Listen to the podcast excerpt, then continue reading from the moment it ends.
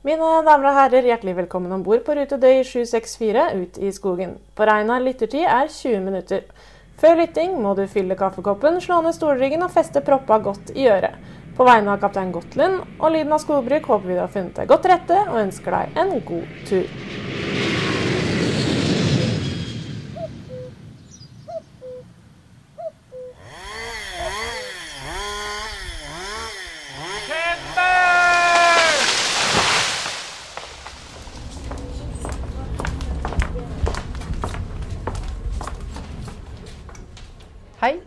Og velkommen til podkasten vår, som i dag skal handle om skogbrukets historie i Norge. Ja, I dag skal vi tilbake til tid. Det skal vi. Og vi som tar deg med på tur ut i skogbruket og bakeri i dag, vi heter Britt, og vi heter Vibeke. Ja, Eh, meg sjøl, Britt. Eh, alltid meg sjøl først, ikke sant? selvfølgelig. Jeg er daglig leder i en medlemsorganisasjon som heter Kvinner i skogbruket. Mm, Og jeg er Vibeke, en sidekick som skal ta over skog om noen år, og men som jobber i barnehage i Oslo ellers. Og sammen så er vi Lyden av skogbruk. Det er vi. Absolutt. Vi bruker og Vi er glad i å prate, da. Ja da, vi er skravleguri begge to. Men eh, akkurat i dag så skal vi skravle adskillig mindre, og så skal vi lytte mer. For i dag er vi så heldige at vi skal sende et intervju som Britt har gjort eh, med en historiker. Han heter Øyvind Vestheim. Ja. Han Øyvind han har studert historie, og så har han studert fransk og russisk. Så da han skrev sin masteroppgave tilbake faktisk på 70-tallet, så valgte han å skrive om eh, skogbruket og skogbrukere som dro til Russland Ja. på 30-tallet. Det skal de høre om i intervjuet. Og så forteller Øyvind om at eh, da han skrev master, eller hovedoppgave het det den gangen, da måtte han skrive fem ganger så omfattende i antall ord Enn det det er nå? enn det det er nå. Nå, har jo, nå har du og jeg vært og sjekka at en masteroppgave i dag i Norge er ca. 100 sider. Ja, men han skrev altså 500 sider? Han skrev et, eh, et, et verk, Ja, ei bok nesten. nærmest ei bok, Ja. som vi fant ut ved å ta antall ord og dele på ca. 500 ord per side. Mhm. Ble til 500 sider. Så Da kan han mye. Han kan veldig mye, og han, Øyvind han er vant til å basere ting på fakta. Ja. Skal vi rett og slett bare sette over til den samtalen? ja. En lærerik kort halvtime. En lærerik kort halvtime som ble gjennomført i avslappende omgivelser i en gapahuk eh, på skogen. Så koselig. Da hører vi på det. Øyvind Vestheim, hvem er du? Ja, I denne sammenhengen så er jeg vel eh, først og fremst historiker. Jobber mye med skogbrukshistorie. Jobber ca. 20 år på Norsk Skogbruksmuseum bl.a. Senere tid har jeg vel jobbet mest som lærer. altså har jeg egen gard og skog, så jeg er jo skogbruker sjøl nå, da. Utdannelsen din den er altså da ikke skogbruk, men den er historie. Det er historie hovedfag jeg på Universitetet i Oslo. Og da skrev du, har jeg hørt, en eh, litt interessant eh, sak. Du dro ut av Norge. Ja, jeg hadde kombinert historie med språkfag, da, fransk og russisk, så da kombinerte jeg russisk og historie og skrev om eh, Skrev for så vidt lokalhistorie. Ja. Om norske skogsarbeidere som dro til Sovjetunionen, arbeiderstaten, der på 1930-tallet. Og noen av disse som reiste, kjente jo ifra eget lokalmiljø. da. Og det blir typ Eidskog. I Eidskog, ja. Og så var det Soler og Odalen og Rendalen og Østerdalen. og for lytterne våre som da ikke er fra Eidskog eller Solør, så er vi da veldig nærme svenskegrensen. Ja, Ja. sønders i Hedmark, som nå er en del av Innlandet. Du kan veldig mye om eh, skogbruk og historia til skogbruk, og jeg har notert meg fire spørsmål. Det er hvorfor har vi drevet med skogbruk? Når har vi drevet med skogbruk? Hvem var aktørene, og hvor i landet var skogbruket viktig fra tidligere tider? Kanskje vi kan bare begynne med hvorfor vi begynte med skogbruk? Ja, og da må vi nesten eh, gjøre klart for oss sjøl hva vi mener med skogbruk. Ja, For i dag så tenker vi jo på store tømmerhøgster med skogsmaskiner og lange tømmertrailere og store lagre på sagbruk og industri. Men det å bruke skogen, hvis du går 1000 år bakover, så var det noe helt annet. Det var ikke tømmer, men det klart tok jo virke til både å skaffe seg varme og bygge seg hus. Så det gikk jo på å, å dekke de helt grunnleggende behova, da. Hvis du går lenge bakover. Så um, skogbruk, som vi prater i dag, det er nærmest eh, handelsskogbruk. Det kunne selge virke. Og det kommer jo Ja, de begynner jo allerede for en tusen år siden på 1100-tallet og eksporterer faktisk uh, noe bord og planker til England. Men det er særlig når vi starter med eh, vassagene rundt 1500. Det vi kaller for oppgangssager. Altså de hadde et vassjord som da drev et sagblad som gikk opp og ned. Kunne skjære stokken i flere planker. Da liksom det først begynner med salgsskogbruket. Og skogbruket, da. Men hvem var det da som kunne selge det virket? Hvem eide det? Ja, nå var det mm, de første vassagene Hvis vi kommer ut på 1600-tallet, så ble det innført privilegier, slik at det var eh, først og fremst de som hadde som bodde i byer og hadde handelsbrev, kunne drive med tømmerhandel. Og det var da de, de F.eks. herover så var det folk fra Halden og Kristiania som kjøpte opp skoger. Spekulasjonsskoger, da, på et vis? Eller hva Ja, og så kunne øh, saga da virke på egen sag. Det var viktig, da. Disse eksportsagene, som de kalte det. I tillegg var det bygdesager, og de, de kunne for så vidt hvem som helst starte med, da. Disse privilegiene, som vi kaller det, altså sær, særretter til å drive sagbruk for salg, det ble opphevet i 1860, og da var det fritt fram etterpå. Så da ble det mer vanlig at det var enkeltpersoner og privatpersoner som, som bodde på bygda, som Ja. eide sin egen skog? Ja. Og da hadde jo dampmaskinen kommet. Den var jo brukt særlig jernbanen før, da. Men fra 1860 utover så kommer dampsagene for fullt. Og da er det Var det dampsag, da?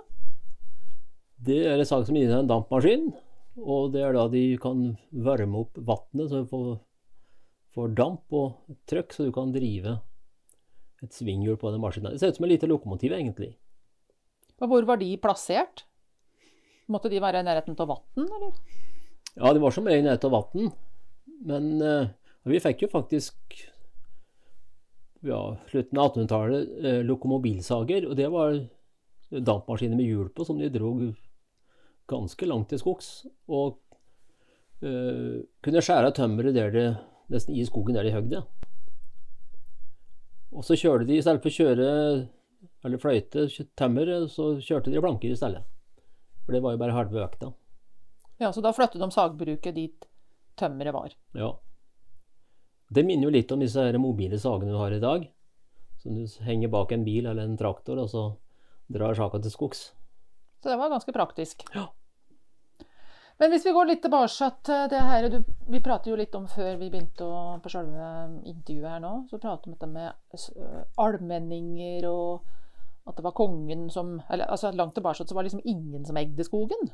Nei, det var jo ikke det, så Og det var det vi har bakgrunn for allemannsretten, for eh, alle mann kunne da uh, bruke skogen sånn de brukte den gangen, da. Det var jo ikke til å ta tømmer til salg. For det er klart, når det ble penger i dette her, så var det, da ble det reguleringer med en gang. Når ble det penger i det da? Husker du det? Nei, det er, det er først og fremst når vassagene kommer på rundt 1500 utover. utover. Så før det, da, hvis du trengte å bygge deg et enkelt hus, da, Ja. og bodde slik til, så var det mulig å gå og hente det tømmeret i skogen? Var det så enkelt, eller? Ja, ikke bestandig. Det spørs om For det var jo noen sånne småkonger rundt omkring, da, og jarler og litt av hvert, så Så um, Men heldigvis var det slik at uh, noen stal tømmer, for da ble det rettssaker, og da har vi, har vi kildemateriale på en del ting, da. Hva som var for løv og ikke løv, da. Ja, Du sa heldigvis, så var det Ja, noen ja, ja. For historikere så sier vi heldigvis. Ja, for historikerne. Ja. Ikke for den som stjal. Ja. Så det er bra at folk har vært uvenner og uenige om tida, for da har det produsert mye skriftlig materiale. da. Kilder, historiske kilder. Men hvor har du fått tak i eh, den informasjonen som du sitter på, som du kan? Hvor har du henta det hen? Det er det først og fremst i klart Gjennom oppveksten, i og med at du vokste opp i ei skogsbygd, så er det mye du fikk med deg der, da. Men oversikt noe nasjonalt og sånn, det var i perioden på Skogbruksmuseet på Elverum. Både ved å lese det som andre hadde skrevet, og studere kilder og Ja, For du studerte før eh, internettet? Eller? Ja, det hadde begynt å komme. Det var det. Husker jeg vi jeg tok hovedfag, så satt vi på Universitetet i Oslo på Blindern og kunne søke i en database med litteratur i Congress Library i USA. det var jo helt fenomenalt, da. Så, så vi hadde tilgang til, eh, til eh, særlig til litteratur, den type databaser. Men ingen kilder på, på nettet, det var det ikke. Nei. Men hva slags type bøker var det? Altså både historiske bøker og gamle dokumenter og gamle, som du sier, rettssaker og Ja, det var jo utgitt en del sånne kildesamlinger i for, eh, som dekket visse lokalområder og, og hele landet for så vidt. Og så fant du mer når du begynte å lese en, noen som hadde skrevet om et tema, så hadde jo den oppgitt sine kilder, og man kunne gå videre på de. Artig. Um, dette med hvem som var aktørene, kan vi gå litt tilbake til det. Når var det mm, Du pratet om eh, innledningsvis det her med at du, du, kunne, du hadde handelsbrev. Var det det du kalte det? Ja. Mm, byborgerskap, som de kalte det da. Ja. Så det var best å bo i byen, da, nærmest å være handelsmann. Det var enklere å skaffe seg skog enn hvis du bodde lokalt. ja, det var faktisk sjelden at det var lokale eiere av de sagbrukene. Det var folk som hadde tilhørte byer, f.eks.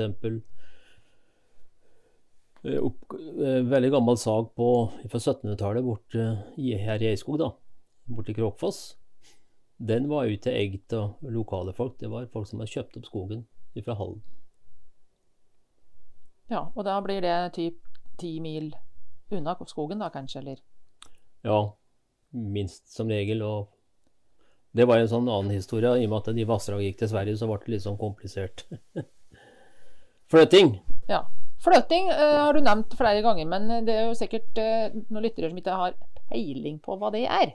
Nei. Det må du forklare. Det er jo rett og slett at tømmeret flyter innover elva, da. Men det må jo organiseres. Eh, til å begynne med så Det er mulig vi da Vi vet ikke når fløtinga starter.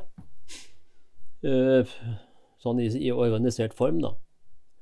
Men noe tyder på at det er faktisk Suldalen i, og Suldalsvatnet i Ryfylke, altså Rogaland, som er først ute. Og det tenker vi kanskje ikke så mye på i dag, for at skogbruk i, i dag, det er jo Østlandet og Trøndelag og disse store skogbruksfylka, da.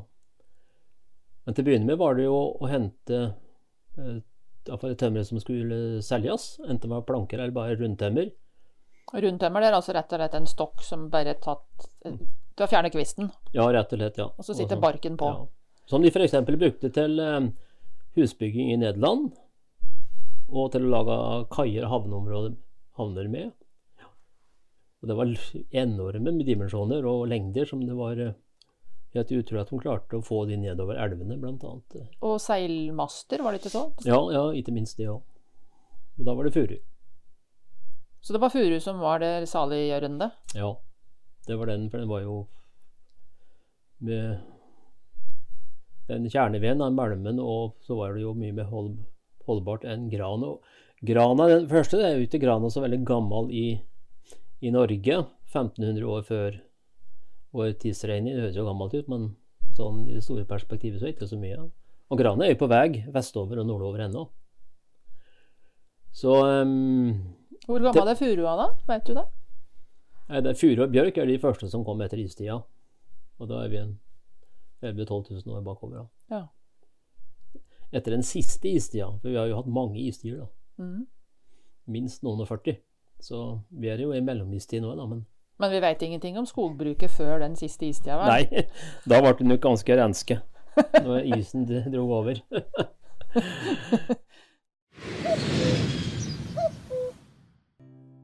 ja, venter vid min stockel medan timmarna skrider medan stjärnorna vandrar och nätterna går. Jag väntar på en kvinna från färvägar vida. Den käraste, den käraste med ögonblå. Vi gjør som Dan Andersson. Vi venter på deg ved Anno Norsk Skogmuseum i Elverum. Åpent alle dager, hele året, med et spennende og variert tilbud, enten du er tømmerhugger, fisker, jeger eller poeten som venter på han eller henne. Du finner oss ved Glomma. Velkommen til oss! Men hva tror du eh, skog og skogbruk har betydd for folk opp gjennom åra, Øyvind? I forhold til liksom andre ting som vi er så veldig opptatt etter hvert, da, med fiske og ja, kanskje handel og sånn generell handel. Da. Hva, hva, hva, hva var skogbruket for, for folk flest før? Jo, for folk Det var jo en veldig viktig eksportnæring. Så det nevnes jo liksom i forbindelse med Det var skipsfarten og trelasten, altså det å salg av tømmer, da, eller planker. Og bergverksdrift er liksom de, de store, da, før mer an- andre industrier kommer, da. Hvor langt tilbake i tid er vi da? Da er vi på 1500 og oppover til 1800-tallet. Ja. Så skogbruk er Skogbruk er ganske viktig både som eh, på eksport eller statistikken for utførsel da, og for landet. Men disse sentrale skogbruksbygdene så har de jo hatt eh, stor lokalbetydning òg, da. Og klart eh, Sjøl husmenn som eh, lå var under en gard, da. Som, altså husmenn, det var folk som kunne bygge seg eller overta en lite bruk, kanskje på bare noe få, få dekar, få 1000 kvadratmeter, og hadde da den for en periode, og de hadde plikt til å jobbe på gården, men de hadde rett til å ta uh, virke da, til ved og til, uh, til reparasjon til hus og Det som heter husbehovs... husbehovsskogen. Ja, husbehov, ja.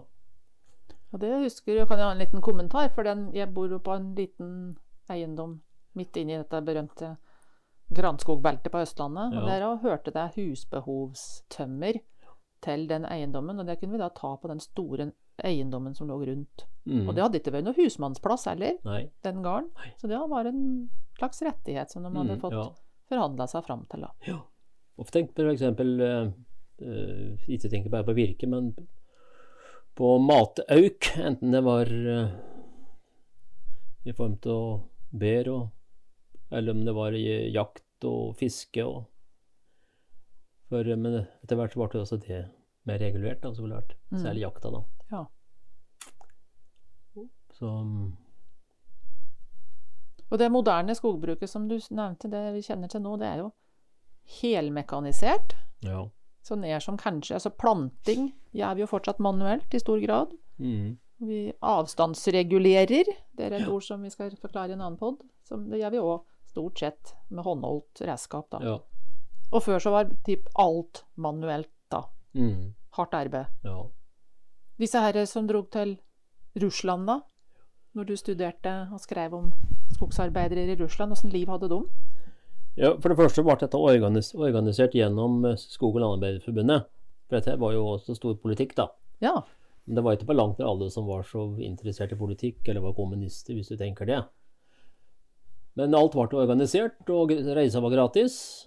Eh, Det mange syntes var rart, det var, som ikke var klar over, var at de fikk jo ikke eh, lønn i utenlandsk valuta. Og i Vest-Europa var jo ikke den russiske rubelen noe gangbar, da. Så de måtte jo liksom bruke penga der og da, da. ja. Men det var en del av avtalen at de skulle ha med seg eh, et sett med håndredskap. Vi er nå i 1931. Og dette er før motorsagene kommer, så de kom jo først ut i fem, på 50-tallet. Så eh, og det var da berkespader og øks og ulike typer sager. Og, og det var noen truslinger som fikk konstruert noen geitåninger, altså tømmerrustninger til å kjøre tømmer med. Med Med hest. hest, ja. ja. Ja. En slags slede, liksom, til å frakte tømmeret på. ja. Og så sa du berkespa. Hva, hva, hvorfor måtte de barke tømmeret? Jo, det var for å kunne tørke det såpass kunne fløtes, da. Skulle flyte. når de skulle transportere lange veier. Og for å hindre insekter, at det ble ødelagt til insekter. Og, og det er ganske viktig dette med berking. da. Altså Det å ta berken til tømmeret, det var halve jobben i skogen. Mm. Så når eh, de begynte med barkemaskiner, sånn rundt 1960, så ble halvparten av jobben borte. Men da hadde de sluttet med flytting, da, ettersom de ikke slapp å Ettersom de slapp å barke. Da hadde de begynt å frakte Ja, de- tømmeret på en de- annen måte. Ja, det begynte å komme da, men uh, de kjørte da barkemaskina ut på tømmerveltene like ved, oh, ja. ved ja. elvene. Ja. Så de barket, og så lå det og tørke. Og så pratet vi om i stad at eh, det tømmeret som gikk i elva og på vannveien, det var da den delen av stokken som ikke skulle på sagbruket, men som skulle kokes. På slutten var det det, ja. ja. På slutten var det Ja, det. ja. Men eh, ellers så gikk det både sagtømmer og, og, og langtømmer som skulle brukes til påler og sånne ting, og som stolper. Og massevirke eller slip, da. Åssen du de det? Altså, det måtte jo måles og verdivurderes på en måte da, før det ble sluppet i elva. Ja, eh, i mange steder så lå dette her eh, når de kjørte fra skogen, og de la det enten ved sida av elva, eller de la det ute på sjøen òg. På isen. Ja, på isen, ja. Så da kom det uh, Tømmermerkere var nærmest sånn autoriserte, de da. De hadde godkjenning på at de var kompetente og uavhengige, ikke minst. Ja.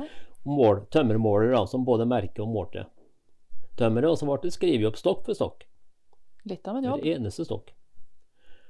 Og både Ofte var det både eh, selgers og kjøpers merke. Og i Glomma-vassdraget var det vel eh, Ja var det sikkert en borte, ja, et, nærmere 200 forskjellige merker. Så hver eiendom hadde sitt merke. Ja, Hver tømmerkjøper ja, som hadde tømmer i Vassdraget den gangen. ja. ja. Hver tømmerkjøper hadde Ja, sitt merke. ja. Og da, så da hadde den tømmerkjøperen da selvfølgelig kjøpt det tømmeret liksom på, på vannkanten, da. Ja. Mm, Så det var der det skifta eier. ja. Og så ble det da Og på disse mindre sideelvene så var det som regel uh, tømmer av skogeiere som da salte tømmeret. Det var de som organiserte flyttinga. Og så overtok da det de kalte for tømmerdireksjonen. Altså det var kjøpere hadde gått sammen i organisasjonen da, og flyttet de store hovedvassdragene. Og er det òg grunnen til at vi fikk det som heter skogeierandelslag nå? Skogeierforeninger, som en motpart til den kjøperkonstellasjonen? Ja, det har nok bakgrunn. Ja da. Ja, ja. Det var for å stå sterkere i forhold til eh, Som en slags fagforening, ja, ja. eller handelsforening. Ja, og de kom jo da typisk nok i, førsten på 1900-tallet. Ja. Og industrien virkelig har kommet, har kommet i gang. Hva syns du om skogbruk i dag, da, Eivind, i forhold til det som du kjenner som historiker? Syns du det er spennende, eller syns du det har tapt sin glans? Nei, jeg syns jo det er spennende og, og hele denne syklusen med markberedning eventuelt. Det er det å rote opp litt før det planter, da. Og ungskogregulering og alle disse her eh, fasene går igjen da, til det blir eh, høgstmodent. Ja, litt avhengig av hvem du er i landet, men ifra 60, 70 og 80 år, kanskje. Men veit du Kom til å tenke på en ting. Det, det prates jo nå om eh, den siste store registreringa som har vært gjort i Norge, så har det volumet av alt tømmer, all skog som står i Norge, den har tredobla seg på 100 år. Mhm. Eh, Det kan jo bety at det var veldig lite skog i Norge da for 100 år siden. Veit du noen ting åssen eh, det her Da skogbruket var stort, da, som du prater om, en stor eksportnæring, var vi nære, nære ved ved å rasere skogene våre? Ja, og enkelte plasser ble det gjort, rett og slett. Det ble uthugget og eh, Klart, hvis du fjerner all, all furua, så er det ikke sikkert det kommer igjen så mange furupla- furuplanter etterpå. Etter hvis røslingen kommer først, i hvert fall. Ja. Så um, det har jo vært stor skog på Østlandet, og det har vært stor skog i England. ja. Men den tok de der først, der det var behov da, i disse byene som vokste fram. Så tok de jo virke der som var nærmest så klart. Og flere europeiske land. Deler av Tyskland og Nederland og Belgia og deler av Frankrike og, med, og England, britiske øyer. Og så måtte de da reise nordover til Norge, for Norge lå jo ut mot Nordsjøen. Ja. Så derfor kom eh, salgskogbruket kom i gang før i Norge enn gjorde det i Sverige. For da måtte de inn i Østersjøen. Mm. Så vi lå før svenska der, altså. Der, ja. Så um, Og Rørosvidda òg er vel et resultat av avskoging Ja, til ja. gruvedrift? ja. Kullproduksjon. Brenne kull av virke. Det klart det gikk veldig hardt utover skogen. Og det kunne du bruke nesten all slags virke òg, så da gikk det med rubel og bit. Men du som da har lest veldig mye historie, har du noen gang i det historiske papiret kommet borti begrepet klima? Slik som vi prater om klima og skogbruk nå? Det som er litt rart, er at hvis du leser øh, Norsk skogbruk, heter det vel, altså tidsskrift for norsk skogbruk, som ja, jeg tenker det begynte å komme på 1860-70-tallet, så er det mange der som, det er mange diskusjoner som går på dette her med åssen du skal drive skogen. da. Dette med planting f.eks. Og skjøtting av skogen og skjøtsel av skogen. stelleskogen. Og og skogens betydning for klimaet. Så det er, Så det er gammelt. det er gammelt, ja. Så diskusjonen var jo særlig på 1880-tallet var det kan du se flere artikler som går på akkurat det der. Men det var ikke temperaturstigningene? Nei. Da. Nei. Det var Nei, for da var de jo uh, Vi prater jo om den lille istid som begynte ved 1890-tallet, så det var vel For da var det en kaldere periode. Så det var motsatt? Ja, ja det var egentlig da. Inntil det det snudde senere, da. Så, så mye av den diskusjonen den hadde, gikk jo, og nå dukker det jo opp igjen i skogbruket, dette med måten å Skal vi bære sånn helt enhetlige enheter, i en bestand, eller skal vi plukke og satse på noe Mm. framtidstrær og Kanskje begge deler? Ja. Det Og den derre De kalte det jo for blendingsskogbruket før. Det å plukke ut enkelttrær, da. Så Og størrelsen på, på hogstflate var jo en veldig diskusjon om. Mm. Hvor bra det var. Og så var det vel òg litt i gamle tider som du pratet om, det var det, var det grove tømmeret som var gjevt Ja. og bra. Nå vil jo ikke sagbruka egentlig ha det veldig grove tømmeret. Nei, de ville jo ikke det. Så det er jo ikke så interessant nå da, å plukke ut de store. Nå vil de heller kanskje plukke ut de mellomstore. Ja, ja. Mm. Blir det for grovt, så er det for Bare plunder og heft på sagbruket. Ja. Nå har vi kommet oss gjennom det meste, Eivind. Til slutt så har jeg lyst til å spørre om eh, det her med mm, Du nevnte du har jobba på skog, det som heter Skogmuseet nå, da. Norsk Ja. skogmuseum. Det Mhm. mm. før Norsk skogbruksmuseum. Norsk skogbruksmuseum. Så de har på et vis helt bevisst gått ifra å være skogbruksmuseum til skogmuseum. Ja. Ja, og skog er jo litt videre enn skogbruk, kanskje. Ja. Eh, kan du gjøre en ørliten reklame for eh, Norsk skogmuseum? Hva, hvis vi drar dit, hva vil vi finne der? Ja, det vil du finne uh, historier om den totale bruken av skogen. Alt ifra uh, jakt og fangst og, og den tekniske historien med mekaniseringen i skogbruket. Åssen de bodde i skogen. Og, og som regel så er det litt mer framtidsrettede utstillinger der òg. Og kunst da. Og kunst, ja. Ja. Som både har litt med skog å gjøre og lite med skog. Det står et kjempefint maleri av Kai Fjell over scenen i sentralhallen der. Som er eh, ja, Ved siden av Edvard Munch, som er kanskje han som har laget de mest berømte bildene om skog. Ja, og han er herifra Eidskog opprinnelig. Ja, opprinnelig fra Elverum, men har jo tilknytning til Eidskog. da. Ja. Spennende.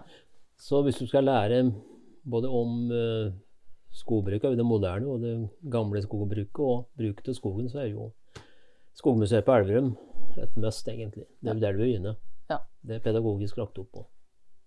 Interaktivt, er det det heter så fint? Det er vel det, Selv om det har skjedd mye siden jeg var der, da. Ja. Nå skulle jo normalt sett kunne sagt til folk at de kan eh, dra på jakt- og fiskedagene, men det slik er det ikke i år. Nei, Så det er ingen jakt- og fiskedager i år. det ble ingen jakt- og fiskedager. Vi får si vart eller er, da. Litt uavhengig om når vi går på lufta. Ja. Øyvind, veldig interessant å prate med deg. Vi har sikkert pratet mye lenger enn det vi hadde tenkt. Så vi får eh, bære over med det. Og så uh, er det artig å prate med folk som har så god oversikt. Vi kunne jo ha pratet lenge, for vi sitter jo i en gapahuk. Det er vi. Vi sitter ute. Vi har hatt mygg på oss her, og Ja. regn på taket. Men vi har ikke gjort, opp, eh, gjort varme, for vi er jo i en periode når vi ikke skal ha åpen varme, som dette er under tak. Og, Ja. og det er mye bløtt i skogen, så. Dessuten jeg som eier skogen rundt her, så det har gått på min egen risiko. Vi tar ikke sjansen på det, Eivind. Nei, Takk for praten. jo, bare trivelig det. Ja, det var Eivind. Øyvind. Han fortalte jo om veldig mye forskjellige ting som eh, vi kunne ha plukka opp igjen i oppsummeringa vår. Ja. Eh, Men jeg velger, som skogbruker, Mhm. så syns jeg det er interessant å legge merke til at han forteller at kystskogbruket i Norge var faktisk det opprinnelige skogbruket. ja, tenk det. For nå eh, er det liksom det skogbruket som eh, har skal vi si, ikke minst betydning, for det blir feil, men det, det har minst volum, da. Ja, Og høres minst om. Høres minst om, og høres liksom ut som det er noe nytt nå. Men det er egentlig gammelt. Det er egentlig det, det opprinnelige, det gamle. Det hørte vi han Eivind fortalte om. Og så eh, dette med at tømmer det har vært en, eller var en veldig stor eksportvare og et viktig bidrag inn i eh, BNP, som man kanskje ikke pratet så mye om den gangen.